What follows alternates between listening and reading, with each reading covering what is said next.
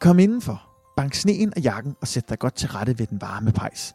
Du skal på en ledsaget rejse gennem julekalenderens magiske univers. Velkommen til Daniels jul. Og velkommen til den 24. december og juleaftens afsnittet. Sådan en form for Mens vi venter podcast, kan man vel godt kalde det. Vi sidder her, og jeg skal i dag tale om Alle Tiders Jul fra 1994. Ja. Det er jo en sådan rigtig barndomsklassiker for mit vedkommende. Jeg er født i 86, jeg var 8 år, da den blev sendt første gang, og for mig har det nok defineret mit forhold til julekalender. Men Martin, du er lidt, du er lidt yngre end jeg er, så hvordan har du det med den her første pyruskalender altid Altiders Jul? Altså, den første havde jeg faktisk svært ved at huske, øh, da jeg genindså den, eller genså den nu her for nylig. Øh, der var mange ting, som jeg havde glemt, fordi så, så havde jeg blandet dem sammen med de andre Pyrus julekalendere. Ja. Øh, men jeg, jeg synes alligevel, der var mange ting, jeg godt kunne huske derfra. Ja. Der er mange af de oprindelige sange, som bliver brugt i alle julekalenderne. De kommer fra den første julekalender. Øh, bliver brugt rigtig meget. men det er Ja. så, hvad det er. Jamen, det er vel egentlig en tid, hvor hvor der bliver slået lidt an det her med, at sangene går igen og igen og igen, og det sker nok i Nissebanden sådan til at starte med. Det er Ja. 84, hvor Nissebanden blev sendt første gang. Der er mange af de samme sange, der går igen. Blandt andet den her flaskeposte-sang, som virkelig øh, kører mange gange. I Nissebanden i Grønland også lidt det samme. Mm. Dog ikke i så høj en grad, som Nej. det begyndte at ske i sådan start 90'erne. Først i øh, Skibet Skildskov 1992, Jul i Juleland 1993, Ja. og så kører det alle som perler på en snor. Så kommer Altidets Jul i 1994, Altidets Nisse 95. Altidets Jul blev som sagt sendt på TV2 for første gang i 1994. Den er blevet genudsendt i 2004 og i 2016.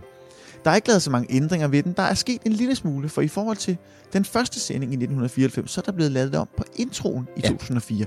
Den er gået fra sådan lidt den der gammeldags sådan zoomer ind på forskellige arkivmaterialer, der kommer en gammel computer frem, der kommer en bog ud af væggen. Det er ligesom hele den her klassiske opbygning, som jeg husker utrolig godt fra min barndom. Mm. I 2004, der blev det sådan lidt mere moderne, kan man vel godt kalde det. Ja, for de har fået nogle nye remedier, som de kunne lave og lege med og Præcis. sådan noget, ikke? Jo, og det, altså man kan sige, introen smager jo nok mest i Pyrus-universet, øh, sådan i forhold til kalender-wise, sådan, så smager det mest af den, der hedder Altidets Eventyr, hvor man også gik væk fra blue screen, men det kan vi altid vende tilbage til. Fordi der fik man altså fik man nogle flere penge, og Mm. jeg tror, når man lige skulle genudsende kalenderen i 2004, så tror jeg, at man havde behov for, at den blev opdateret lidt, fordi altså en computer i 1994 så lidt anderledes ud i 2004. Det er nemlig rigtigt. Ja. Og det, og det tror jeg også, man havde ville afbilde ligesom i, i kalenderen. Ikke ja. Desto mindre, at den computer, der så er med i kalenderen, stadig rimelig meget fra 1994. Det er den, men det synes jeg også, det, det, det har sin charme. Ja, det synes jeg også. Og Ja. det, det vender vi selvfølgelig tilbage til. Altidets jul, den er jo øh, instrueret og skrevet af Martin Mirenar. Mm. Så er den øh, produceret af Torgild Lodal og Bodil Stenstrup. Derudover så er sangene skrevet af Martin Mirenar. Jeg tror sådan set også, musikken er skrevet af Martin Mirenar. Det tror jeg også, han var meget øh, multitalent. Ja. Og er det jo stadigvæk den dag i dag. Martin Miranar, som har instrueret Altidets Jul, ham kender vi jo faktisk godt lidt, fordi han har jo også instrueret en del andre juleklænder. Han har faktisk også skrevet musik til en del andre juleklænder. Jeg tror, han nævnte sådan først i juleklænder-regi tilbage i 1986, og det er i forbindelse med Jul på Slottet på DR. Senere hen har han så også øh, skrevet og instrueret af Circus Julius fra 1988 på DR. Så har han lavet Skib i Skilleskoven og Jul i Juleland, som er juleland, som kom på TV2. Så har han selvfølgelig lavet Altiders Jul, som vi kender, Altiders Nisse, Altiders Julemand, Altiders Eventyr og Byrus på pletten, så han er rimelig velbevandret i julekalenderuniverset. Inde på brianiskov.blogspot.com så kan man jo læse lidt ekstra facts omkring den her julekalender, og der udtaler Martin Miranar i et interview omkring Altidets Jul, at i julen 1993, der hjalp øh, hans små drenge med at slæbe juletræet ind i stuen, og så stillede de de her spørgsmål ved, hvorfor har man egentlig træer til jul? Og det gav ham egentlig ideen til ligesom at lave en juleklænder, hvor man ligesom undersøgte, Mm. jamen hvor stammer alle julens traditioner i virkeligheden fra? Yes. Og det er jo så også det, at vi bruger vores tid på i den her kalender. Ja. Afsnit for afsnit lærer vi mere om selve øh, julen at, at kende. Altså vi lærer hele julens historie, men selve handlingen, den vender vi tilbage til, fordi jeg vil først spørge dig, Martin. Hvad husker du allerbedst fra alle tiders jul? Og hvad for en setting husker du bedst af dem? Jeg tror, det jeg husker allerbedst fra den her julekalender, det er det her med øh, julehistorien med, med, med Pyrus, der laver rod i den, og, og faktisk får slettet hele julehistorien. Og der er ingen, der kan huske mere jul. Og nu er det så ligesom nissernes, tror de kun, øh, opgave, og, og så ligesom få, få, få, få, få frembringet julen igen. Øh, og så husker jeg også det her med, at at det altid gik hånd i hånd, altså det nisserne gjorde, det gik altid hånd i hånd med det, som Bertramsen og Josefine gjorde. Mm. De tænkte altid ens, og det synes jeg altid var lidt sjovt. Ja. Øh, sjovt, fordi at det er nærmest den samme scene. Ja, ja, det er rigtigt. Men det, det, det synes jeg også var ret fedt, altså at, at, at, at de to forskellige scenarier. Og det sker jo samme. allerede, altså det er jo første, første scene i julekalenderen faktisk, det er jo faktisk øh, Gutenborg, som han jo hedder, mm-hmm. som Mhm. Gyldengrød hedder den første julekalender, Ja. og Bertramsen, de læser om den samme, den samme historiske begivenhed. Ja. Hvor øh, Gutenborg så er i gang med at tilføje nissen til selve Danmarks historien. Fordi Ja. Dem mener han jo er blevet glemt, og derfor er det hans opgave ligesom tilføje nisserne rundt omkring i verdenshistorien, hvor de ligesom har gjort en forskel, og nok primært i Danmarks historien. Mm-hmm. Det, jeg husker bedst fra den, øh, fra Altiders Jul, det er året efter faktisk. Fordi Altiders Jul udkom ikke i fuld længde året efter. Den Nej. udkom på en VHS i fire timer. Okay. Okay. Og der skal man altså huske på, at sådan en julekalender, især den- på TV2, de, de var omkring 20 minutter. 20-25 minutter Ja. per afsnit. Jeg ved godt, der er en del sange, men der er ikke 6 timer sange. Og vi får cirka en julekalender på 10 timer i alt som færdig produkt. Selvom man skærer sangene væk, så vil man stadig have noget handling, som man mangler. Så den her VHS, den var simpelthen kottet så meget ned. Der manglede utrolig meget. Ja. Så skete der så det, at der en del år efter, da DVD-mediet kom til, så blev der udgivet en udgave på DVD på 3 timer. Hold da op. Og først i 2004, da julekalenderen blev sendt igen på tv, udkom den i fuld længde på DVD. Hold da op. Og så er den så senere kommet i en uh, endnu bedre restaureret udgave på DVD efterfølgende. Så den er faktisk udkommet fire gange. Mm. Tre gange på DVD, og kun to gange i fuld længde. Det, ja. Så jeg husker, at jeg måtte vente år efter år efter år på at se den i fuld længde igen, for jeg kunne bare huske, der manglede så meget. Man havde nogle gamle optagelser på VHS for fjernsynet, men man manglede ligesom den fulde kalender. Ja. Og den fulde kalender, den skal vi også runde nu, fordi nu synes jeg, vi skal begynde at snakke lidt om handlingen. Ja, lad os gøre Og lad os starte med at tage fat på anslaget og følge videre i vores berettermodel. Julepynt, er det ikke mere for mennesker? Jeg mener, vi nisser plejer da. Plejer og plejer og plejer. Plejer er død. Hvorfor er vi nisser altid så bange for at prøve noget nyt? Det er derfor, julen altid bliver så kedelig. Yes. Altså, vi skal have slået historien an. Hvordan kommer vi ligesom i gang med den her historie? Det starter vel egentlig allerede i første afsnit. Altså, man, man, man ser det her Rigsarkiv. Bertramsen, som ruder utrolig meget på Rigsarkivet, og også inde på sit kontor. Ja. Det samme gør Guten- Gutenborg lidt nede i hans lille nissebo. Og, og, og scenariet er egentlig bare, at de arbejder. Altså, de, de arbejder på at få skrevet nogle ting ned og sådan noget. Og så dumper der lige pludselig den her lille nye øh, praktikantnisse, Pyrus, Ja. som øh, havde søgt, øh, som egentlig, ja, han havde valget mellem at blive øh, karuselnisse i Tivoli, øh, eller risnisse. Han, han kunne godt lide ris, så derfor tænkte han, at Rigsarkivet var fantastisk. Det er jo perfekt. ja. Øhm, og så starter det hele bare egentlig derfra. Deres mig, hvad for nød? Stempel og blækklat! Jamen, du er da ikke Frederik. Nej, skulle jeg være det? Ja, og det er egentlig det, det, det, er det samme handling, som du også allerede har været inde på. Det er den samme handling, hvor vi, når vi når frem til øh, menneskenes øh, tidslinje i den her øh, julekalender. Fordi i slutningen af afsnittet, der kommer der også besøg i Rigsarkivet. Ja. Det er Josefine Brahe, som har et brev med til Biver Bertramsen, hvor der står, at han skal ansætte en sekretær. Mm-hmm. Og allerede der bliver Bertramsen jo sur. Måske fordi, at han godt kan lide at arbejde alene, og så også måske fordi, at han jo i virkeligheden bor i arkivet. Og så er det jo lidt irriterende, at der lige skal komme nogen og ligesom bryde hans ja. Privatlivsfære på en eller anden måde, kan man vel godt sige. Præcis. Så han står ligesom og, han står og, og skaber sig og siger, at de pålægger mig at ansætte en sekretær. Jeg har jo sagt, at den slags kun render i vejen. Åh oh, nej, de pålægger mig at ansætte en sekretær. Jeg har jo sagt til dem, at den slags kun render i vejen. Men lad ham bare komme. Jeg får ham jaget hurtigere bort end den forrige. Og så står Josefine Brasen lidt målløs og siger, jamen, altså, det, det, det, er- det er mig, der er sekretæren. Ja. Ja, for han tror, han tror, det er en mand. Ja. Han tror ikke, at det er sådan noget for kvinder. Nej, præcis. Og den, den samme øh, ting sker jo egentlig ligesom øh, året øh, efter i Altiders Nisse, hvor de jo så også ansatte en øh, IT- eller IDB-ekspert. Øh, og der, han får så også lidt en, den samme overhaling, hvilket egentlig er meget sjovt. Ja, jeg synes også, det er ret cool. Så de starter egentlig lidt på sådan en, en, en lidt dårlig fod. Ja. Øh, både Josefine Brahe og, og Bio Bertramsen, men også Gutenborg ja. Ja. og, og Byus vel sagtens. Også fordi Byus, han er jo en ungnisse. Han er måske i slutningen af sine teenageår. Jeg tror, Jan Lindebjerg, som spiller Byus, en gang udtalte, at han cirka er 19 år. Er han ikke ældre? Nej. Hold da. Så det tror jeg, altså øh, Jan Lindebjerg er ikke 19 år, når han Nej. spiller rollen, men Nej. Pyrus skal, skal være 19 år. Ja. cirka.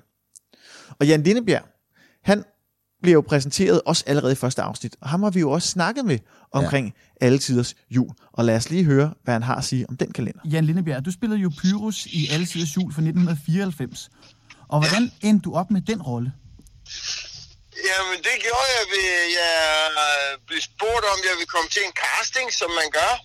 Og på det tidspunkt arbejdede jeg på Aarhus Teater, og så øh, fik jeg et par sider af manuskriptet. Og så øh, tog jeg til København og, og, og blev castet ind i, jeg tror sgu da det var øh, Martin Ries øh, dagligstue, jeg kan ikke helt huske det. Eller var nede i hans kælder, det kan jeg ikke huske. Nå. Men øh, hans kone, Karin Jagt, som er caster, Ja. og så gik der, hvad gik der en uges tid, så kom der, så ringede de og spurgte, om jeg havde mod på rollen, og, og jeg, jeg kunne allerede mærke, da jeg så med bare de to sider manuskriptet, øh, og da jeg var over til casting, at det, det var mig, det der. Det kunne jeg mærke. Det var jeg ikke så meget i tvivl om. Og hvad husker du så bedst fra optagelserne? Nej, men det var jo, altså, jeg var jo, nej, jeg var ikke en nyklækket skuespiller, men øh, det, det, det vildeste var jo, at vi i den første, er, er også i nummer to julekalender, men, men jeg mødte jo de samtlige Danmarks øh, kryfære skuespillere, altså fra Susse Vold, Jesper Langberg, øh, Jens Ocking, øh, ja, men you name it, og de var der, altså, det var jo helt vildt. Og hvem var det så? Hvem var, var det størst for dig at møde af dem? Ja, det var, øh, og Gita Nørby var der også, og, eller var det den sidste, det kan jeg sgu ikke Ja, huske. hun var med i Altiders Jul.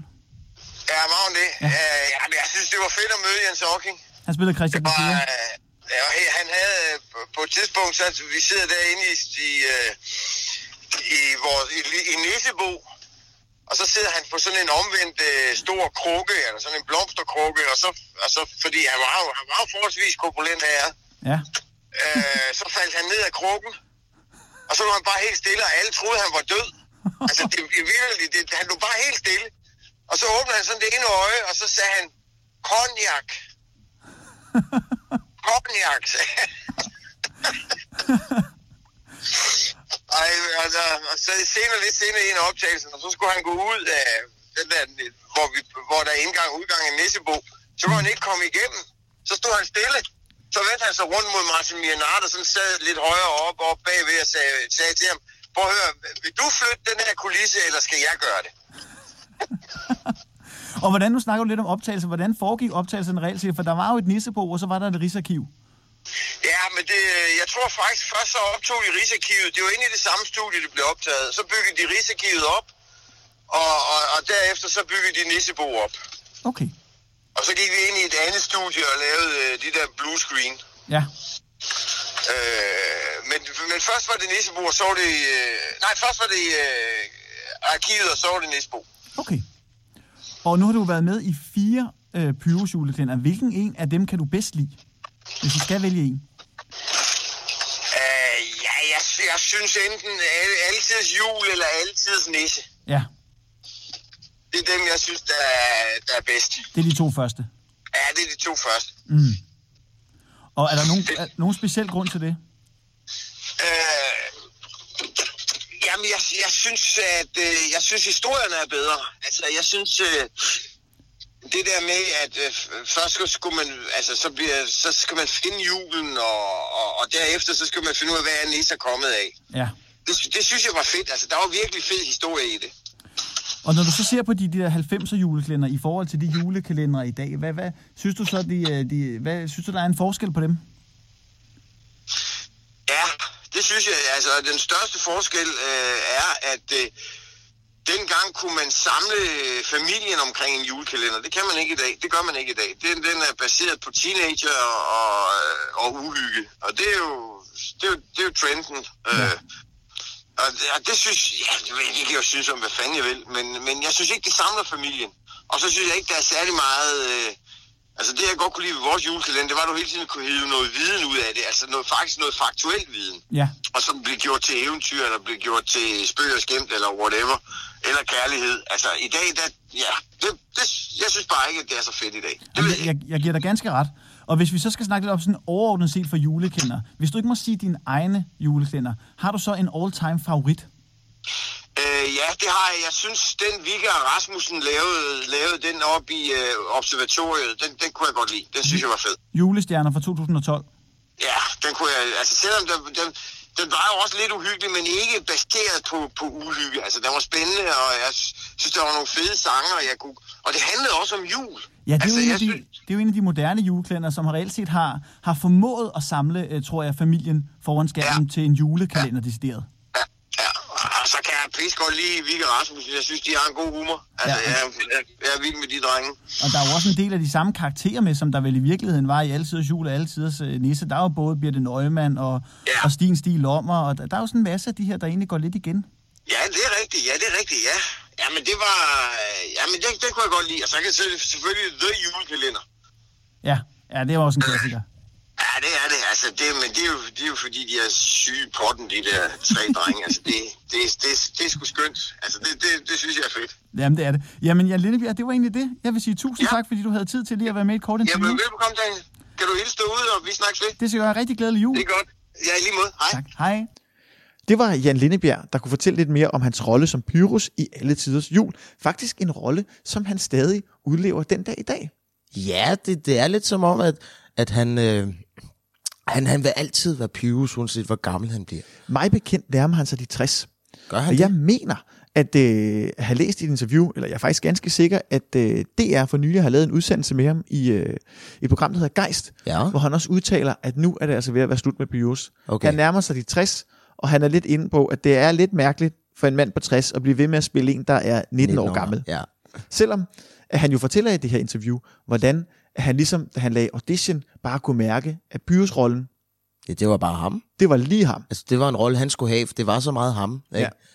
Øh, han havde ikke været skuespiller ret lang tid på det tidspunkt. Og, og, og det er jo det er fantastisk som, som nyudklækket skuespiller, så kan få, få noget at lave. Ikke? Og, og man tør da sige, at han virkelig har, har levet godt på, på den her rolle. Ikke? Det må man sige.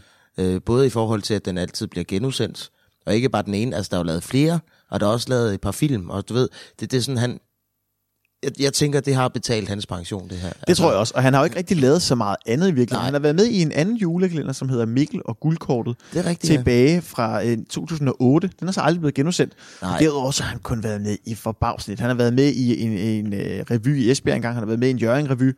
Øh, Han har spillet en lille rolle i En gang strømmer fra 1987, så har han været med i Bryggeren som tømmersvend, så han spillet Iversen i Bøllebob. Altså det er simpelthen, det er så lidt, Ja. ja. Jan Lindebjerg har lavet ud over Pyrus, men jeg tror også, at det, det nok har sikret ham sådan økonomisk, i hvert fald til en vis grænse.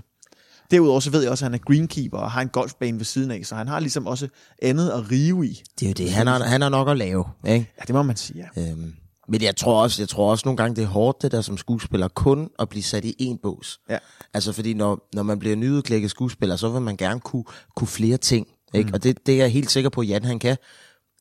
Det er bare svært for, for folk, som har set ham som Pyrus, og så kan se ham i noget andet. Ja, og det er jo ligesom en kalender, som har levet i flere generationer. Altså, det. det. Ligesom, da den blev genudsendt i 2004, kom der en helt ny generation til, som lærte Bruce at kende. Mm. Og så den blev genudsendt igen i 2016, kan man sige, så kom der endnu en generation til. Præcis.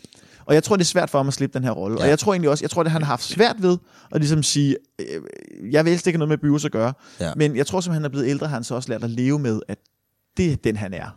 Præcis. Der er ikke, altså, det kan ikke nytte noget at, at fornægte det, for det er bare sådan, det er. Mm. Men vi skal videre med det her anslag. Jeg Skal vil sige, at anslaget er øh, her, hvor vi får ligesom præsenteret selve historien. Jeg vil ikke mm. sige, at vi skal længere frem end egentlig afsnit 1. Vi bliver præsenteret for, handlingen foregår i Danmarks Rigsarkiv. Mm. Det er altså ikke et arkiv, der opbevarer ris. Det er et arkiv, som opbevarer Danmarks historie. Med G, som øh, Gutenborg siger. Ja, med G som i rige. Rige, Rigsarkiv. Præcis. Og vi finder ud af, at vi skal selvfølgelig Bertramsen og hans øh, nye sekretær, og Gutenborg og hans nye praktikant, Pyrosander Burlegris, som han jo hedder Ja. i virkeligheden. Det finder vi så først ud af i kalenderen året efter. Yes. Men det er så anslaget. Altså vi, vi, vi finder ud af, at ja, der er en handling, mm. og der kommer, den kommer til at foregå på Rigsarkivet, og det kommer nok til at handle om jul, fordi man kan godt hurtigt se på Pyrus, at han er altså vild med jul. Han vil ikke at den skal være gammeldags, det skal være en ny og fed, eller cool jul, som han jo synes. Ja. Og så har vi jo øh, præsentationen. Ja, så når vi videre til præsentationen, og her har vi jo, altså man kan sige, selve vores hovedcast, altså dem vi følger allermest, det er jo så Bio Bertramsen, mm. en ældre herre, som jo bestyrer Rigsarkivet, eller i hvert fald er daglig chef, han har kun sig selv. Der er også en læsesal nedenunder, hvor man nok kan læse øh, arkivets øh, ja, materialer, Men ikke desto mindre har vi kun Biver Bertramsen. Så, tænk dig nu om, Birger. Mm, måske jeg lagde det ude på... Ude på... Hvordan i alverden kommer jeg ud? Så får han jo en sekretær, Josefine Brahe, Og så, så tænkte jeg, at jeg ville møde lidt tidligere, så jeg kunne nå at pynte lidt op. Pynte lidt op. Ja, det er jo trods alt december. Og julepynt er så festligt, ikke? Julepynt i et rigsarkiv. og nede i Nissebo, der bor Gutenborg og Pyrus. Ja. Og det er jo sådan vores hovedkarakterer.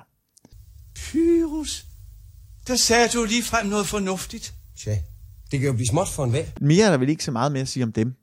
Nej, fordi så, så kommer vi jo allerede til afsnit 2, hvor, øh, hvor Pyrus han vågner op, har klippet julehjerter, og alle mulige ting af, af, af, af nogle af de her gamle ris, øh, risarkivarer.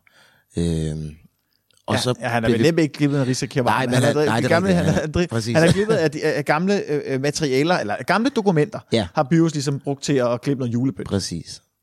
Og så er der jo allerede ballade.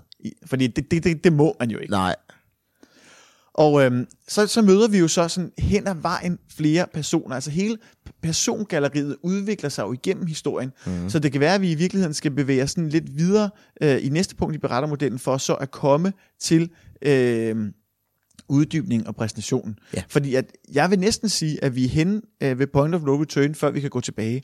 Og derved springer vi egentlig lidt over uddybningen. Ja. Men selvfølgelig, vi får i de første par afsnit uddybet lidt mere af vores hovedkarakterer. Vi finder ud af, hvem er Pyrus i virkeligheden, hvem er Gutenborg i virkeligheden, hvem er Biver, hvem er Josefine. og så har vi jo faktisk den femte karakter, som er med allerede fra, er det andet eller tredje afsnit? Freja. Det er først tredje afsnit. Det er først tredje afsnit. Det er også derfor, jeg vil hen til Ja. ja. point, point of no return. return, fordi det er jo, point of no return, vil jeg sige, er i afsnit 3, hvor Pyrus, han skal forsøge at trylle lidt. Han er blevet meget fascineret af, at Gutenborg jo kan trylle. Så det vil han jo prøve selv.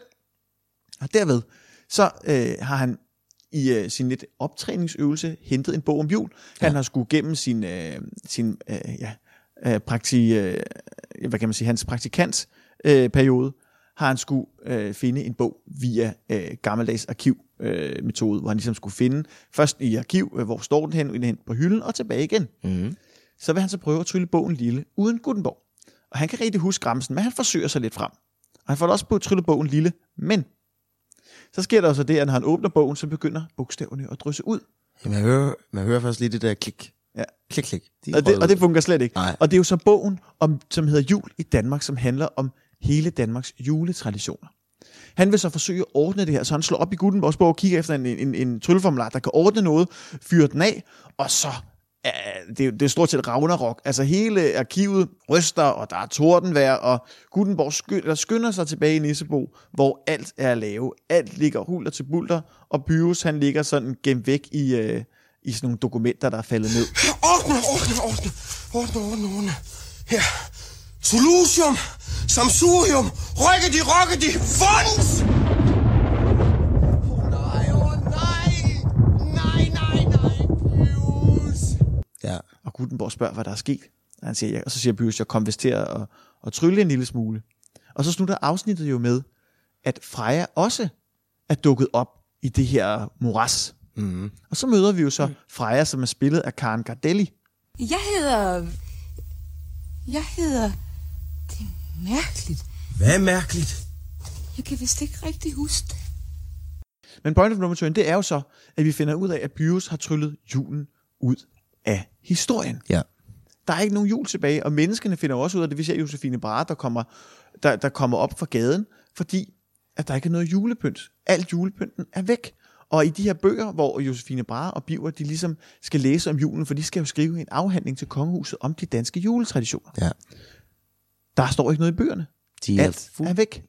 Og de er faktisk også ved at glemme ordet jul. Ja. Det, det sker faktisk ret hurtigt. Ja. Altså, de, de forsøger hele tiden sådan, nej, nu, nu skal vi huske det, og øh, vi, øh, øh, øh, jul, jul. Og så prøver de at skrive det op på et stykke papir og taber det op. Så, nu glemmer vi aldrig det, men det forsvinder også. Præcis. Så alt, hvad der har med julen at gøre, det er væk. Ja, og så er vi jo så ved det punkt, hvor vi kan gå tilbage. Nu er julen væk. Ja. Nu skal den genopdages, finder Gutenborg og Biver Bertramsen ud af. Det er jo lidt dem, der ligesom siger, at vi bliver nødt til at genopdage julen. Selvom mm. Biver han er først inde på, ja, men det var da en hyggelig tid, men vi må lære at leve uden julen. Ja.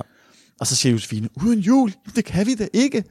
Og så minder hun jo så også Biver om, at han er jo står til at få et ridderkors, hvis han jo skriver den her afhandling om jul. Præcis. Og det vækker jo lige så en indre glød i ham. Så er han klar til at genopdage julen.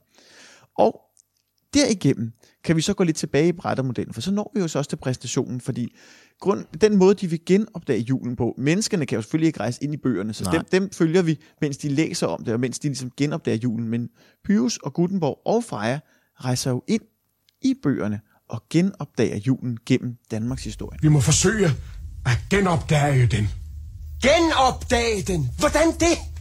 Vi må tage rundt og udforske julens udvikling i historien. Og igennem det, der møder vi jo både øh, de øh, ja, nordiske guder, som, hvor Susse Vold jo blandt andet spiller Freja. Vi møder øh, Emma Gad, som, hvor Birte Neumann spiller Emma Gad. Vi møder Margrethe den Første, vi møder Harald Hårfærd, vi møder, møder Svend Tviska, Christian den 4., Christian den 9., og så videre. Mm, vi Så vi får præsenteret en perlerække af ja, store danske historiske personligheder. Og for mig, som jeg jo er historielærer, der er det jo virkelig guf. Jeg synes, det er fantastisk, at vi ligesom både får mulighed for at følge en julekalender, men samtidig også lære danske historie, øh, vigtige historiske personer at kende, og lære historien om den danske jul. Det er fantastisk. Det er det bare. Ja. Og ja, altså det, er jo- det er jo så det, hvor det... Altså, der, der er så mange karakterer. Altså Ludvig Holberg er også med. Tyge Brahe er også med. Det er helt ekstremt. Og det er jo så ikke bare hvem som helst, de har fået Nej, til nej, at spille det de her roller. store skuespillere, Altså det er jo virkelig nogle, nogle tunge drenge. Ikke? Ja. Det er Jens Ocking, det er Max Hansen, det er Henning Jensen, det er Søren Spanning, Nils Olsen, Sten Springborg, Ole Ernst og så videre. Mm-hmm. Det er virkelig nogle, øh, nogle gutter og gutinder, der kan deres kram. Henning Jensen som Ludvig. Præcis, og det fortæller Jan Lindebjerg jo også om i sin interview, hvordan det ligesom var, altså han var jo nyklækket skuespiller, han havde lige. Ja. fået den her rolle, og så skulle han spille over for altså, det her kæmpe stjernekast Ja. af, af, af store danskere. Ja, det, ja, det er jo, det er jo drømmescenariet for en, en ny skuespiller, ikke? Jo, og det, og det er jo, du er også skuespiller, Martin. Hvordan ja. Ville du have det med det? Tænk, hvis det var dig, der fik den her rolle. Jeg vil, jeg vil have det fantastisk med det. Øh, jeg vil nok være sådan lidt starstrucker-agtig. Øh, dog ikke, når, når de var i nærheden, vel, men, men, men man vil altid have en eller anden form for øh, sådan en stjerneting. Altså, nej, var det fantastisk at, at møde de her mennesker, ikke? Og sådan har jeg jo, altså nu har jeg jo spillet sammen med Jesper Lundgaard, og sådan nogle, en, en fyr, som jeg har set meget op til i forhold til at synge og sådan noget, ikke? Så de første par gange, hvor jeg mødte ham, der kunne jeg også godt mærke, det, man, man rettede ryggen lidt mere, og var sådan lidt mere sådan, uh, hvor er det fedt. Men jeg, jeg, jeg vil synes, det var fantastisk at, at skulle spille sammen med de her kæmpe skuespillere, for eksempel. Ja, og altså, det, det, det vil jeg også sige. Altså, jeg, jeg blev jo bare fascineret. Altså, jeg, jeg var ikke skam, jeg var otte år, så jeg kendte ikke skuespillerne så godt. Jeg kan bare huske, jeg var helt, helt fascineret af den her historie. Jeg var så tryllebundet, at jeg måtte bare sidde hver eneste dag og ligesom følge med. Og det er også ligesom derfor, vi har valgt den her julekalender ud til også at snakke om juleaften. I hvert fald, altså jeg er meget farvet, fordi jeg synes, det er en af de mest fantastiske julekalender nogensinde. Mm-hmm. Og jeg blev interviewet et hav af gange øh, omkring julekalender, og der hiver jeg altid, altid jul frem som et eksempel på den bedste julekalender, der nogensinde er lavet. Ja. Og, og, og det har noget med min barndom at gøre, og så er det noget at gøre med, at jeg synes bare, at det her element med, at der er masser af jul, der er masser af historie, og der er en super spændende fortælling samtidig med. Og det er vi, der er vi så også tilbage igen ved berettermodellen. For så, så bevæger vi os jo fremad imod en, øh, man kan ligesom sige, en, øh, en konflikt, konfliktoptrækning. Ja, Og jeg synes egentlig, at vi bliver taget meget godt i hånden i forhold til julen. det gør vi også. Der virker det som om, at Byus, øh, Gutenborg, Biver og Josefine har styr på det. Der virker det som om, at det, det, det er ligesom, den, den, den skal de nok lande. Så det er jo ikke der, konflikten er. Konflikten ligger jo hos Freja. Ja. Fordi samtidig med, at vi skal finde ud af, hvor den danske jul er blevet af, så skal vi også samtidig finde ud af, hvem Freja i virkeligheden er. Mm. Og det er jo ikke sådan lige til. Nej, fordi for hver gang de kommer hen til en ny øh, historisk begivenhed, så, så kan hun altid huske nogle forskellige ting. Og det synes både Gutenberg og Pius er helt fantastisk. Men på den anden side, så irriterer dem også lidt, fordi de kan ikke helt finde ud af, okay, nå, så du, du er ikke royal, fordi så vil du ikke kunne gøre det her, eller du er ikke sådan her, fordi så vil du ikke gøre det der. Mm. Altså hun, hun kan mange ting, som har noget med julen at gøre, og hun kan huske, når det kommer hen til det, så kan hun huske rigtig mange ting af de ting, som, som de gør og siger og synger. For der er også et afsnit, hvor, hvor hun kommer ind, altså det er den 13. altså på Ja. Lucia-dag, hvor de kommer ind og synger, hvor hun siger, jamen jeg, jeg, jeg kunne bare lige pludselig sangen, da vi skulle i gang. Altså du ved, hvad man tænker. Det husker jeg også rigtig godt. Ja, det, det var et af mine yndlingsafsnit. Ja. Øhm, så, så jeg vil sige, jeg synes, det er fantastisk, den måde, som, den måde, som man hele tiden sådan, øh, får bekræftet nogle ting i, okay, hvordan, hvem, hvem kan hun være? Mm. Og jeg kan huske de første par gange ting, at det, det kan næsten, altså hun, hun er så kærlig, så det må næsten være kærlighedsgudinden. Ja. Også derfor, de kalder hende Freja. Altså, Øh, og da de så endelig møder kærlighedsguden, så tænker jeg, nej, jamen så kan det godt være, at det ikke er hende alligevel. Eller, Altså, ja, det er sådan, vi sidder jo også som seere og ikke aner, hvem hun er. Præcis. Og der er ikke nogen clue. Selvfølgelig, hun ved øh, lidt om hister her, men det kan også bare være, fordi hun ved noget om at interessere sig for historie. Det, det, det kan sagtens være derfor. Præcis. Så vi ved heller ikke som seere, hvem hun er. Nej. Og det er jo først, de får sådan en lille bitte clue midt i kalenderen, lidt senere i kalenderen, hvor hun jo øh, går i søvne og fortæller om, at hun jo er julens gudinde. Ja. Og det, det tager de sådan lidt, lidt på, og bare tænker, ja okay, det er fint, det er godt med dig du. Øh, det, det passer nok ikke helt. Nej. Og så vil vi frem til faktisk, ja, man kan sige klimakset, og det er jo faktisk så sent som den 23. Ja. Hvor øh, Gutenborg og Bius kommer tilbage fra deres øh, tur ind i bøgerne, og Freja har det ikke godt. Hun hoster, har det skidt, og hun forsvinder ud af historien. Hun falmer væk. Det er jo det, der sker for de her historiske personer, hvis de er for meget, for meget ind i vores verden, det er, at de falmer og forsvinder. Ja. Freja har så kunne holde det ved lige, fordi hun hele tiden har været inde af bøgerne og ude igen. Så hun er ligesom blevet ladet op på den måde, fordi Ja. hun har jo hørt hjemme alle steder, og hun har hørt hjemme ingen steder. Præcis.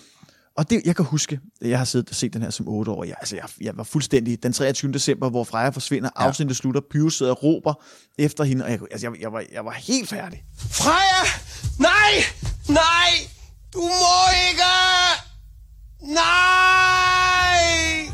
Det var, det var simpelthen så spændende, og det, at man skulle vente en dag med at se det næste afsnit, og man kunne ikke, du kunne ikke streame det klokken 6 om morgenen. Nej, nej. Det var tilgængeligt. Altså, du skulle Nødt til vente. at vente til klokken 8. Ja, og så var ej, TV2 var så søde, at de så sendte det lidt tidligere end Nå, klokken okay. 8 juleaftensdag, sådan, så man kunne se det, inden vi ligesom nåede til julerierne, Ja. altså øh, mad, og så jeg tror, de sendte det ved en 4 3 Okay. tiden. Men hold da op, et klimaks. Altså, jeg, altså, jeg synes stadig den dag i dag, at det, det er fantastisk Det er det også. Altså, og, og Pius, der bare er ved at gå i spåne over, ja. At, at Freja forsvinder, ikke? Og bliver ked af det, og bliver, altså, han falder jo for hende, ikke? Jo. Og det er der jo ikke noget at sige til. Han elsker julen. Og, og, og det, han egentlig falder for, det er alt det her med hendes juleri, ikke? Ja. Altså, jo, hun er også, hun er en skide skøn pige, ikke? Og det synes Pius jo også. Men, men på den anden side, hun rummer så meget jul, ikke? Og Pius rummer så meget jul. Og så er det bare to ligheder, ikke? Så skal der ikke ret meget til, ikke? Nej, det er jo det. Og det, og det er jo også derfor, at det, vi ved jo heller ikke, hvem hun er. Nej. Og det, det er også en fortalt, mange julekalender, de bliver jo sådan afsluttet den 23. og så er den 24. bare hygge hygge. Ja. Men der er vi slet ikke øh, den 24. For det starter med, at Pyrus han ligger i sengen, han vil ligge op, han vil ikke have noget at spise, han er i virkelig dårlig humør, hvilket mm. man jo også godt forstår. Ja. Så han, han tager en, en drastisk beslutning. Han tænker, hvis det er Freja, hun kom frem, da jeg tryller julen ud af historien, så gør jeg det bare igen. Ja. Så forsøger han igen. Julen forsvinder ud af historien igen, men Freja er ikke at finde. Nej. Og menneskene bliver frustreret igen, for de ved jo ikke, hvad søren der foregår. De tænker bare, åh nej, ikke igen. Og de kan jo ikke nå at genopdage det hele på juleaftensdag. Nej. Så vi skal faktisk langt hen i det 24. Ja, Ja, for der- afsnit, For der rigtig sker noget. ja, før der sker noget. Ja. Så kommer Pyrus jo i tanke om, at Freja sagde hun hed Zenobia og var julens gudinde. Ja. Hvad nu, hvis det var rigtigt? Og hvad nu, hvis vi kan trylle hende ud af en historie om hende?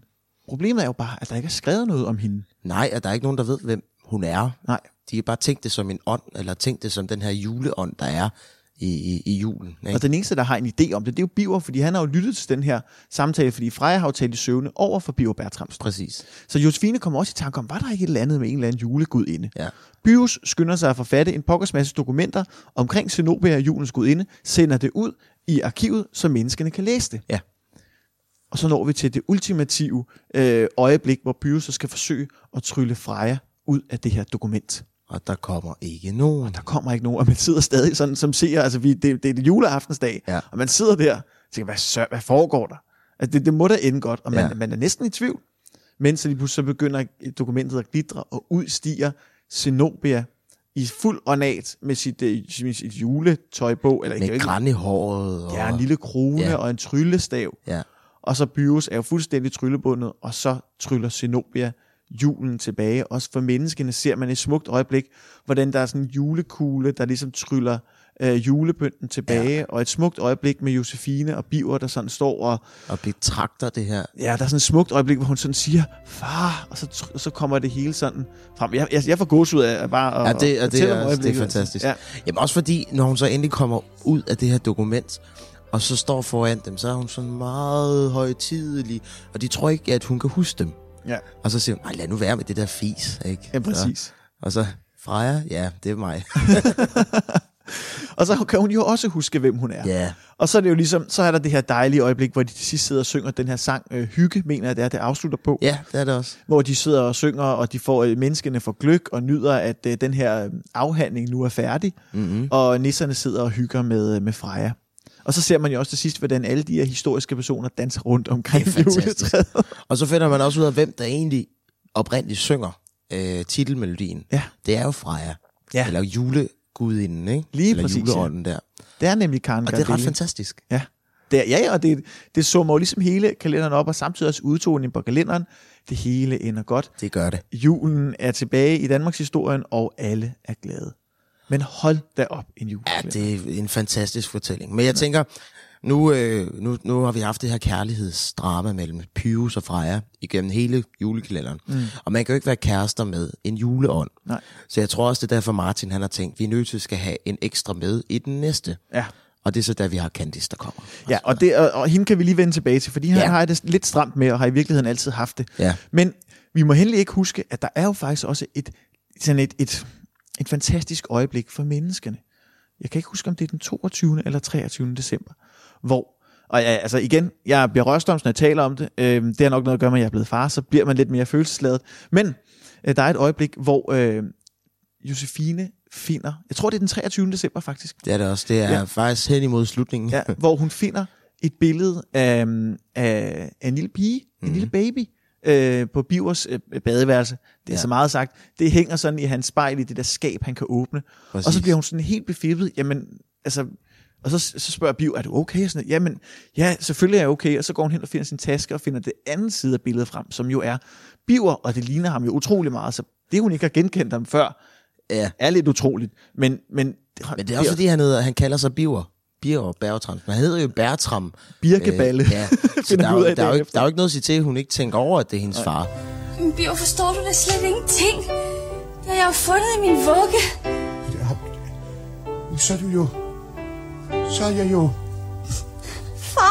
Altså, det, det er så fantastisk.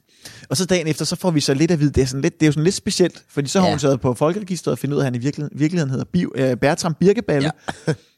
og for også bare fortalt historien om, at han en dag bare har forladt familien, Ja. da hun var ganske lille, Josefine. Og så siger han så, og Biver han sidder lidt og siger, siger Josefine, det, det behøver vi ikke at tale mere om. Og jeg tror også på en eller anden måde, det er nok godt, vi ikke graver ned i den i en juleklænder. Og Slet ikke den 24. december. Nej. Altså, det, det er sådan lidt... Nå, skal vi til at... Nå, der er Hvorfor ikke gik du? og den, lidt af den samme historie smager vi jo lidt i juletestamentet i 1995, men det er en voksenjuleklænder, og den, den, den skal vi nok tage på et andet tidspunkt. Ja. Ikke desto mindre, så har vi så nu både altså et fantastisk øh, fortælling for menneskene og for nisserne. Mm-hmm. Og i den første kalender kender øh, de forskellige øh, jo ikke hinanden. Det er Nej. Først i altid nisse i slutningen af den kalender, hvor nisserne præsenterer sig Ja. for menneskene. Er det den anden eller den tredje? Det er meget sent. Det er ja. Meget sent. Øh, det er anden julekalender. Det er ja. Ja. altid sådan nisse i et af de sidste afsnit, Ja. hvor de træder op på sådan en briks af bøger, hvor de ligesom viser.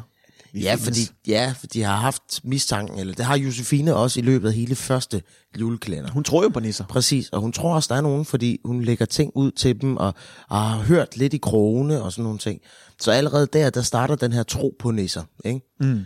Og så kan man sige, de går meget igen i toeren, nisserne, og, og øh, bliver mere og mere synlige, og til sidst så må øh, Gyllengrød, som man så kommer til at hedde i den julekalender, så må man jo bare erkende, vi er nok nødt til at samarbejde med menneskene for at kan få, få den her problematik, der er i toeren, ja. til at fungere.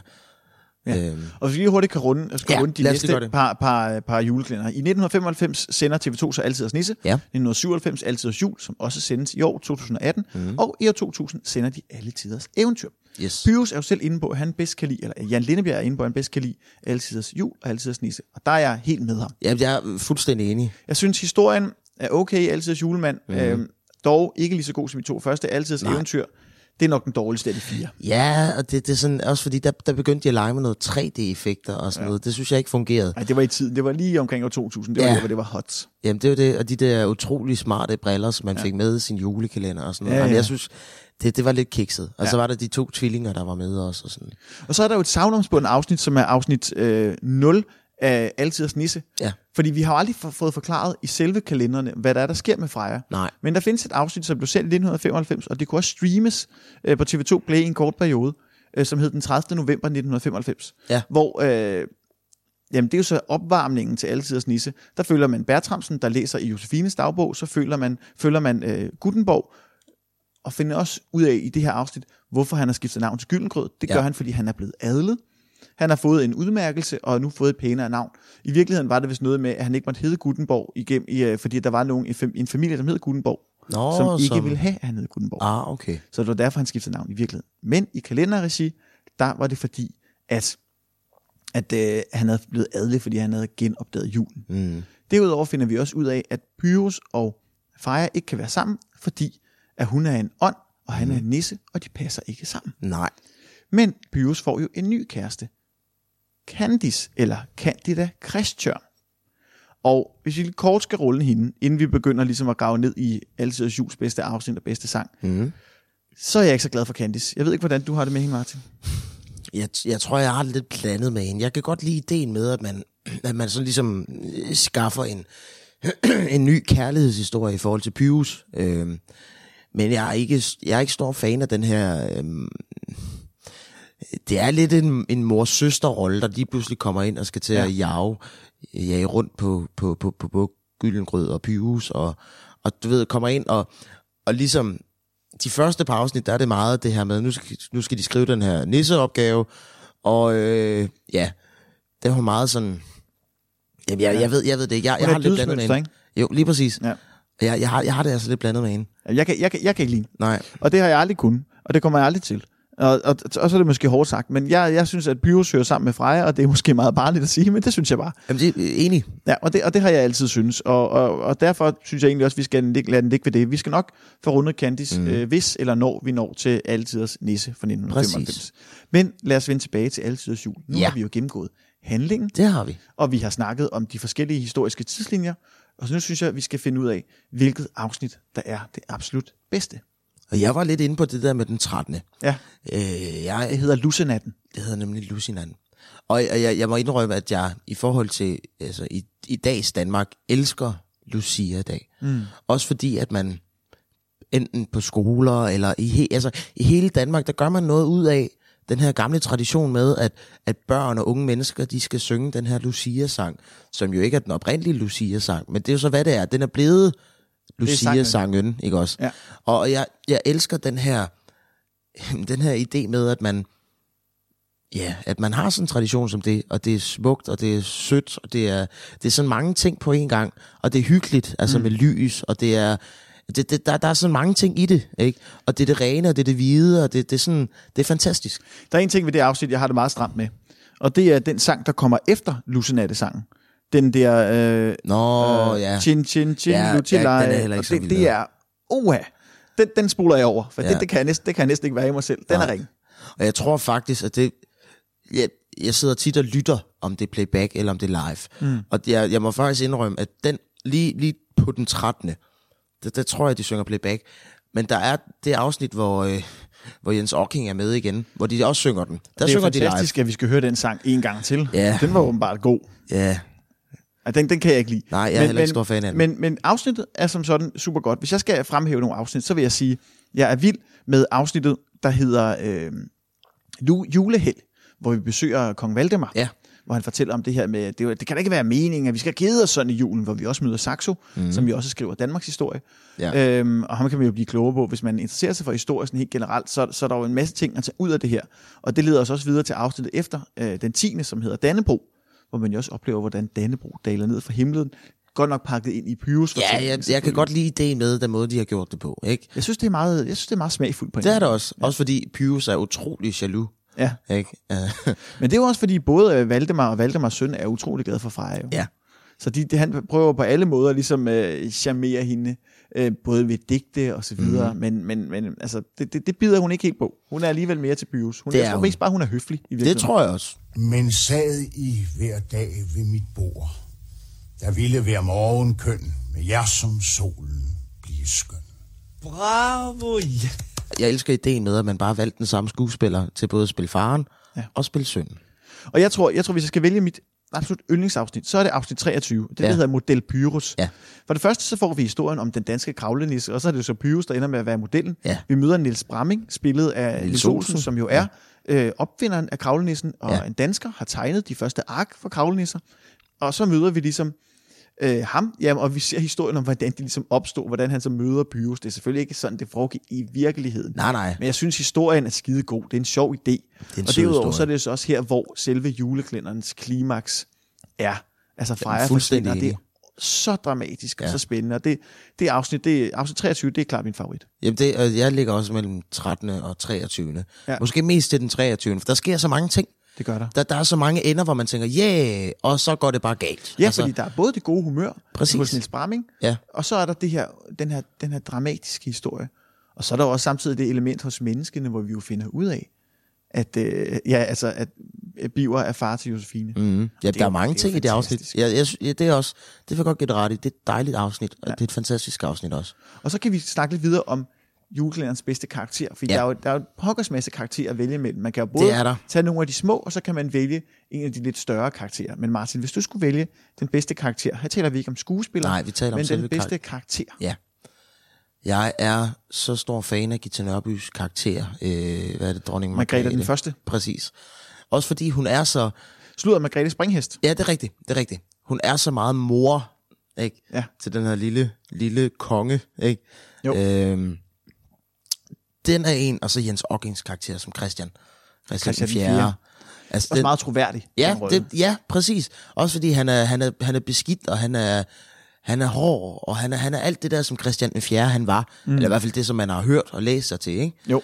Øhm, og så er der, jamen jeg er også, jeg er også vild med Guten, øh, Gutenborg-karakteren. Ja.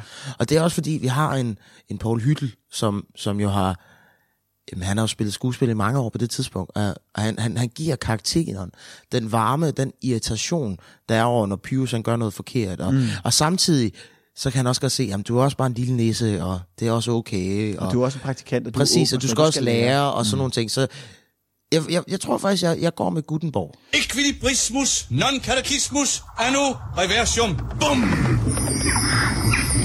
Hvis jeg skal vælge en, så kan jeg ikke komme udenom Bio Bertramsen. Nej, åh oh, ja. Jeg synes, han er fantastisk. Han er Ja. ja. både han er jovial, han er sjov, Ja. ja. han er også lidt sur en gang imellem, men han er stadig sjov, når han er det. Ja. Ja, ja, han er klart øh, min favorit. Jeg tænkte på brudstykket gade. Du mener vel Brogade? Ja, ja, bro, brogade, ja, netop. Amagerbrogade? Ja, den og ingen anden. Øh, og vi skal vælge en person fra det her øh, historiske kæmpe galleri. Så synes jeg, at både Max Hansen gør det rigtig godt som øh, Frederik 7. Det gør han også. Og så synes jeg også, øh, så er jeg lidt vild med Henning Jensen som Ludvig Holberg. Og jeg synes faktisk, jeg, også fordi Max, Max han går igen to gange. Han er med i første afsnit, Ja. hvor han er inde, fordi han sidder i teateret, og det er monsterkedeligt. Og så opdager hans, hans kone Birte, at han er væk. Ja, det er Louise Det, åh, oh, undskyld, ja, Louise, som, som, som, som, som, som bliver spillet af... Ulla Jessen. Ja, fantastisk skuespiller også. Og jeg elsker det afsnit, hvor han kommer ind igen, og hun så følger med. Ja, præcis. Jamen, det er jo der, hvor, hvor hun, hun, de har byttet plads. Ja. Så hun, kom- hun, uh, Gutenborg kommer til at trylle Grevinde Danner ind Ja. i Rigsarkivet i stedet for. Og Grevinde Danner er jo selvfølgelig hende, der bliver kaldet Louise. Det var jo Christian den 7., eller Frederik den 7. Øh, kone på det tidspunkt. Ja, det er rigtigt. Det er, det, er også, det er også super sjovt. Han er også en rigtig god karakter. Ja, Øhm, så vi ender med, at jeg vælger Bio Bertramsen, og hvem jeg vælger Gutenborg. du vælger Gutenborg. Ja. Ja. de to gamle drenge. Yes, ja, lige men de er også gode. Apropos de her gamle drenge, så har jeg altid tænkt på, nu ved jeg godt, at øh, Jens, Jesper Klein, som spillede Bio Bertramsen, desværre ikke er her mere. Mm. Jeg har altid tænkt på, om man kunne lave en femmer af den her Pyrus-kalender. Man kunne lave en femmer, hvor Paul Hyttel stadig er med, Ja. som den gamle lærermester, som man kun møder en gang imellem. Ja. Pyrus og Candice har fået børn, og Pyrus er lidt blevet den her far, som bliver nødt til at tage ansvar, bliver nødt til at blive voksen. Men han og har ta- stadigvæk det her barn. og han har, det her, han har selvfølgelig to børn, Ja. hvor de har to børn, hvor måske de har byttet roller, hvor pigen er ældst, og lidt ligesom Pyrus, Ja. drengen er yngst, Ja. og lidt ligesom Candice. Ja, Og i, i, øhm, oppe i menneskenes verden skal Josefine stadig være der, men så har man fundet ud af, at der findes et andet barn, Sebastian Klein. Ah. Og Josefine har selvfølgelig overtaget, øh, hvad hedder det, Ja, ja, Rigsarkivet, ja. og Sebastian Klein kommer så som en eller anden, altså det kunne være øh, øh, et, et barnebarn, eller det kunne være Josefines barn, Ja. fordi han, Sebastian Klein, det kan man ikke komme ud om, han ligner Jesper Klein. Det gør han, uden tvivl. Og han har også lavet noget julekalender før. Han lavede Sebastians jul mm. I år 2010. Så jeg tænker, der kunne være en eller anden historie med, og så kunne den hedde Alletids Lærermester eller et eller andet. Ja. Og der kunne være noget super nostalgisk i at rejse tilbage til de gamle kalendere. For hvis det skal være noget med nogen, der mister hukommelsen, så kunne det jo være, at det var Gutenborg, der mistede hukommelsen og alt det, hvad der er sket før. Han er blevet så gammel, så de Han skal ligesom minde ham om det. Så samtidig med, kan de så rejse tilbage til de gamle kalender, så har Ja. vi noget nostalgi der, Ja. men samtidig også fortælle en ny historie. Det er sådan en, det er sådan en idé, jeg altid har haft. Ja, jeg, jeg, jeg synes, det er en skide god idé. Det kunne være skide øh, sjovt. Ja, det kunne. Ja. Øhm, men, men, men nok om det. Det er ja. Sådan set bare en, en, en lille drøm. Jeg Jeg har. har faktisk glemt en karakter. Ja. Og det er jo øh, politikommissæren. Ø, Jesper, hvad hedder han, Søren Østergaard. Han er først med i træerne. Nej, han er også med i etteren, er ikke det? Nej, Er han kommer det? først med i altid øh, julemand fra 1997. Åh, oh, det er fordi, jeg Og sidder det- og blandet dem sammen. Og det er fordi, at, øh, at det er jo der, hvor ham, øh, de har haft besøg af julemanden. Det er så rigtigt. mister han sit tøj, og så kommer Krusø. Fantastisk karakter, og det er Ja. jo lyspunktet ved altid julemand. Det er rigtigt. Ifølge i min optik. Ja, Men han kommer først med i træerne. gud ja. Man kan Og- godt blande dem lidt sammen. ja, det, ja så kan man også- bare spørge mig, jeg, jeg kan godt huske øh, Vi skal videre til musikken, for vi skal jo også snakke Ja. om julekalenderens bedste sange. Og det er måske den eneste have ved den her kalender, det er, at der er rigtig mange sange, og de går igen utrolig mange gange. Og der er faktisk mange gode med i den her. Ja. Øh, der er også nogle, nogle, nogle virkelig brølere, synes jeg. Hvis vi lige hurtigt skal vende musikken, ja. så Ja. er den jo skrevet af Martin Miranar, Lars Fjelmose, Aske Benson, ham kender vi fra Bamse, det er ham, der spiller Bamse, ja. Mhm. Eller så er ham, der spiller Nej, Aske, Aske, selvfølgelig. ja. Og så har vi også Jan Rørdam, og Jan Rørdam, han har jo faktisk lavet musik til en del forskellige ting. Han har lavet musik til øh, filmen Møgunger, han har lavet musik til Det Skaldede Spøgelse, så har han også lavet musik til Bamses julerejse, og øh, de andre byhuskalender, og Nissernes Ø. Ja. Så han er sådan en, en, en julekalendermusiker, kan man vel godt sige. Men vi skal vælge en sang ud, som er den bedste, Mhm. mm-hmm. Martin. Hvad for en vil du så vælge? Det har jeg virkelig tænkt meget over. Øh, og jeg synes, den sang, som jeg er mest fan af, det er Frejas sang, hvor hun synger, Hvem er jeg? Ja. Jeg synes, den er sød, og den har en helt fantastisk dejlig melodi. Og så synger Karen bare fantastisk også. Så den, det, det er min yndlingssang fra selve julekalenderen. Og jeg er så ked af, at, at, at det er den eneste, altså eneste julekalender, hun er med i. Fordi det er sådan en, som godt kunne gå igen i flere af, af historierne. Den vil jo ikke give mening, vel, for den handler om, hvem hun er. øh, men jeg synes bare, den er så fantastisk. Jamen, den er, den, den er også god. Ja. Og, og hun kan jo synge. Det viser Ja, hun hun, kan. jo også i titelsangen Altid jul. Ja. Jeg skal fremhæve et par, et par gode sange. Så vil jeg sige, den første sang, der egentlig optræder, det er jo så den, der hedder Kartoteket.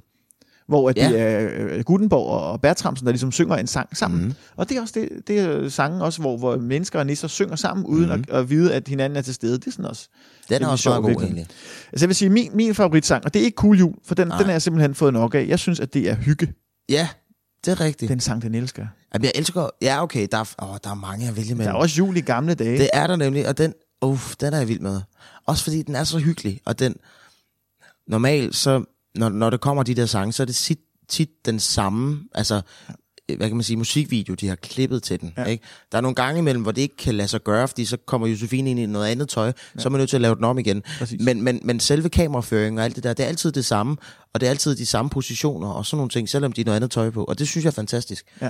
Øh, men ja, den jul i gamle dage og hyggesangen, Jamen, og hyggesang er jo også, det, det er så den samme video, de kører, men, men det, der sidder de altså og spiser grød og Ja. drikker gløk og drikker gammel næsøl og sådan noget. Det, Præcis. det er så hyggeligt. Ja, det er- og det og er der hyggeligt. jeg hver gang. Det gør jeg også. Også fordi de, der er også et afsnit, hvor, hvor, hvor, hvor de skal forsøge at beskrive hygge. Det kan man ikke, for hygge er jo bare hygge. ikke? Præcis. Og det, det synes jeg er fantastisk. Jamen, den er også med. Og så er der julen er noget som, den er jo også god. Det er der, hvor de er fortæller, synger om, hvad julen i virkeligheden betyder. Ja. Den er også fin. Du skal vælge en ud.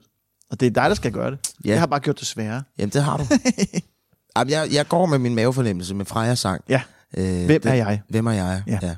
Det er skæring 3 for pladen, kan jeg Ja. så sige. Øh, og vi skal lige runde nogle af dem, der er dårlige, for der er Åh, faktisk var nogle der faktisk en del af, synes jeg. Altså jeg vil sige, Ching Chang Ching, Ja. ja. øh, den sang, den hader jeg. Og så Ja. er der Svend, Knud og Valdemar, som oh. synger, den, den kan heller ikke rigtig være Og den går igen et par gange, og jeg, Ja. jeg spolede forbi. Ja. De, de altså første gang, der tænkte jeg, nu skal lige bare lige høre den. Men var så irriteret bagefter, jeg tænkte, nej, det kan ikke passe. Og det er jo, fordi hun gør grin med de her karakterer.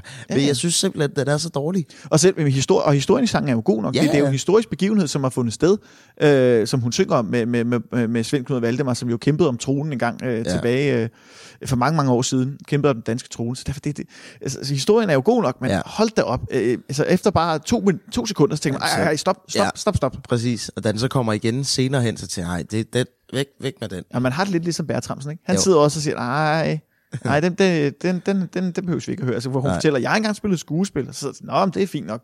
Vil du høre sangen? Nej. Nej, nej, nu? Nej.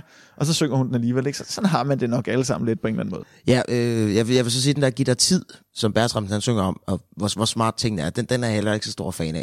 og den kommer også et par gange. Jeg tror, den kommer to gange, måske. Men han har virkelig nogle sjove monologer indimellem. Ja, det også det med, med computeren. Det her var sådan noget moderne skrimmelskrammel. Præcis. øh, og så hans øh, underlige dans, altså med hans ben der. Det er sådan lidt Jack Passer-agtigt. Sådan, øh, Ja, og det så, er faktisk rigtigt. så går han afsted og danser lidt, og han er jo ikke den store danser. Men det, jeg synes, det er skide sjovt. Den er sjov, men irriterende at lytte på. Ja.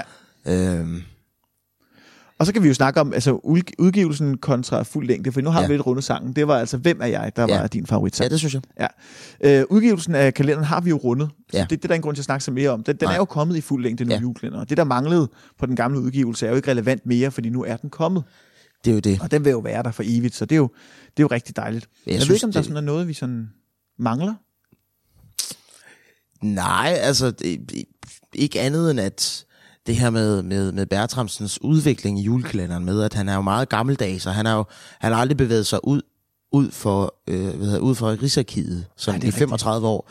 Og så får han den her mikrobølgeovn, og, og han bliver faktisk lidt forelsket i Josefine og inviterer hende på middag ja. op i Rigsarkivet, og han skal nok lave mad, og han står sådan, nå, hvad kan vi? Vi kan lave en, en kylling. Ja. og så kommer hun ind, og der lugter kylling. Hvor længe har du givet den? Jamen, øh, halvanden- kvarter. Ja, fem kvarter. Nej, det er jo mikro. Jamen, han, jeg synes virkelig også, at Bio Bertramsen har nogle fantastiske øh, momenter i den her kalender. Han Det er er, også, klar, han er så sjov, altså. Og så han står under den her mistelten. så giver hun ham i kys på kinden. Og mere. Ja, Jeg havde forventet lidt mere.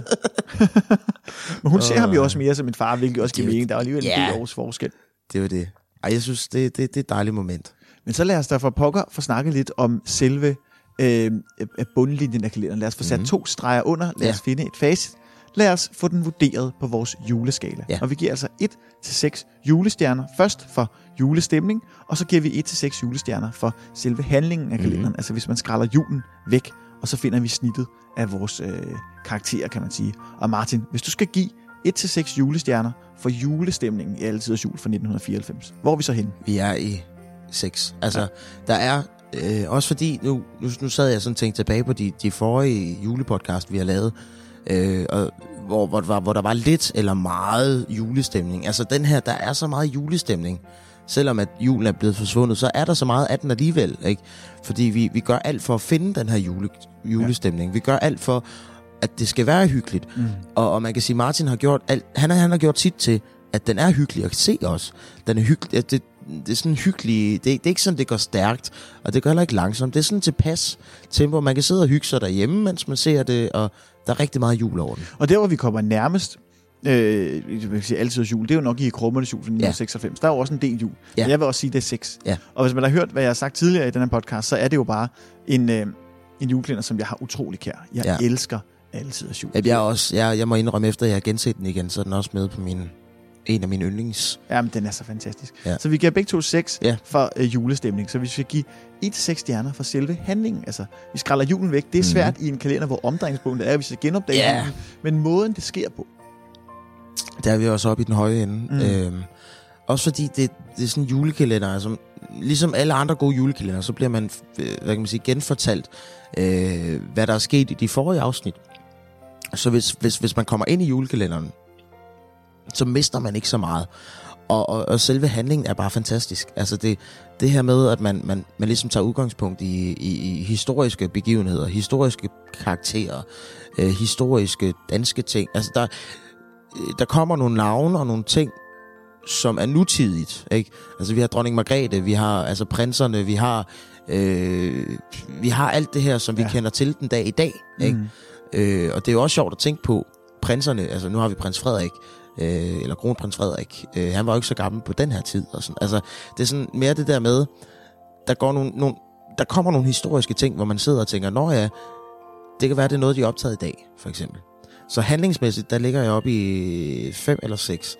Og jeg tror faktisk, jeg ligger omkring 6. Altså, den er, den er tæt på 6 ja. handlingsmæssigt. Og der, og der er jeg med. Altså, jeg, jeg, jeg synes, det er, det er 6 og 6 på begge parametre. Ja. Jeg, jeg elsker den her julekalender. Jamen, det gør jeg også. Så det giver jo simpelthen et snit på, ja, 6 Seks. julestjerner for, øh, for den årede vurdering. Og været topscoren på vores øh, julekalenderbarometer, og hvilket vil egentlig også er passende nu, hvor det er juleaften. Ja, lige præcis. Og det er også en, en, en fantastisk julekalender på mange måder. Det var så fantastisk, øh, at man faktisk kan læse ind på øh, Brian Iskovs blog, at øh, da Rigsarkivskulisserne skulle udstilles i Lyngby Storcenter i 1994, Mm. der øh, skulle, øh, hvad hedder det, Paul Hyttel og Jan Lindeberg jo også optræde som de her forskellige karakterer, Gutenborg og Pyrus. Ja. Og der var så mange, øh, der ville ind og se det, at Storcenter simpelthen måtte, måtte bremse indgangen og afvise Hold da kunder. Det var så populært. Og Martin Miranar, han udtaler også til Brian Iskov, at, øh, at øh, Pyrus han bare bragede igennem, fordi at børnene bare elskede ham. Ja, De var så vilde med ham. Men det er også fordi Pyrus-karakteren er så meget barn. Altså, det, man, man, man sidder som barn, det kan jeg i hvert fald huske, da jeg så... Nu 96, der, øh, der var jeg jo ikke... Eller 94, der var jeg jo ikke født endnu. Mm-hmm. Og, og, og de næste, der kom, der var jeg jo ung, ung barn, ikke? Og jeg kan bare huske, jeg blev medtaget af Pyrus, og var kæmpe fan af ham. Og det er der jo stadig, det, det, lever jo stadig den dag i dag. Der er stadig børn på, øh, små børn, der løber rundt med Pyrus-uger, fordi, og kan huske Pyrus, fordi ja. han bare er tidsløs på en eller anden måde. Man kan godt sige, at kalenderen den er lidt forankret i 1994 med de Ja. ting, der er med. Men historien er bare så skide god. Det er og det er det, der gør, at julekalenderen simpelthen bare kunne leve så mange år. Ja. Og det er måske også det sidste ord, der er værd at sige om Pyrus. Det synes jeg. Nu skal vi pakke podcastgivet sammen. Vi skal sætte os ud i vores biler. Vi skal pakke julegaverne ind. Og vi skal samles omkring træet i aften. For lyttere, nu er vi blevet trætte, og I får ej mere. Indtil vi ses næste jul, kan I tegne et græntræ. I kan også klippe et hjerte eller klæde pænt på. Nu er der ikke længe til. Glædelig jul og rigtig godt nytår.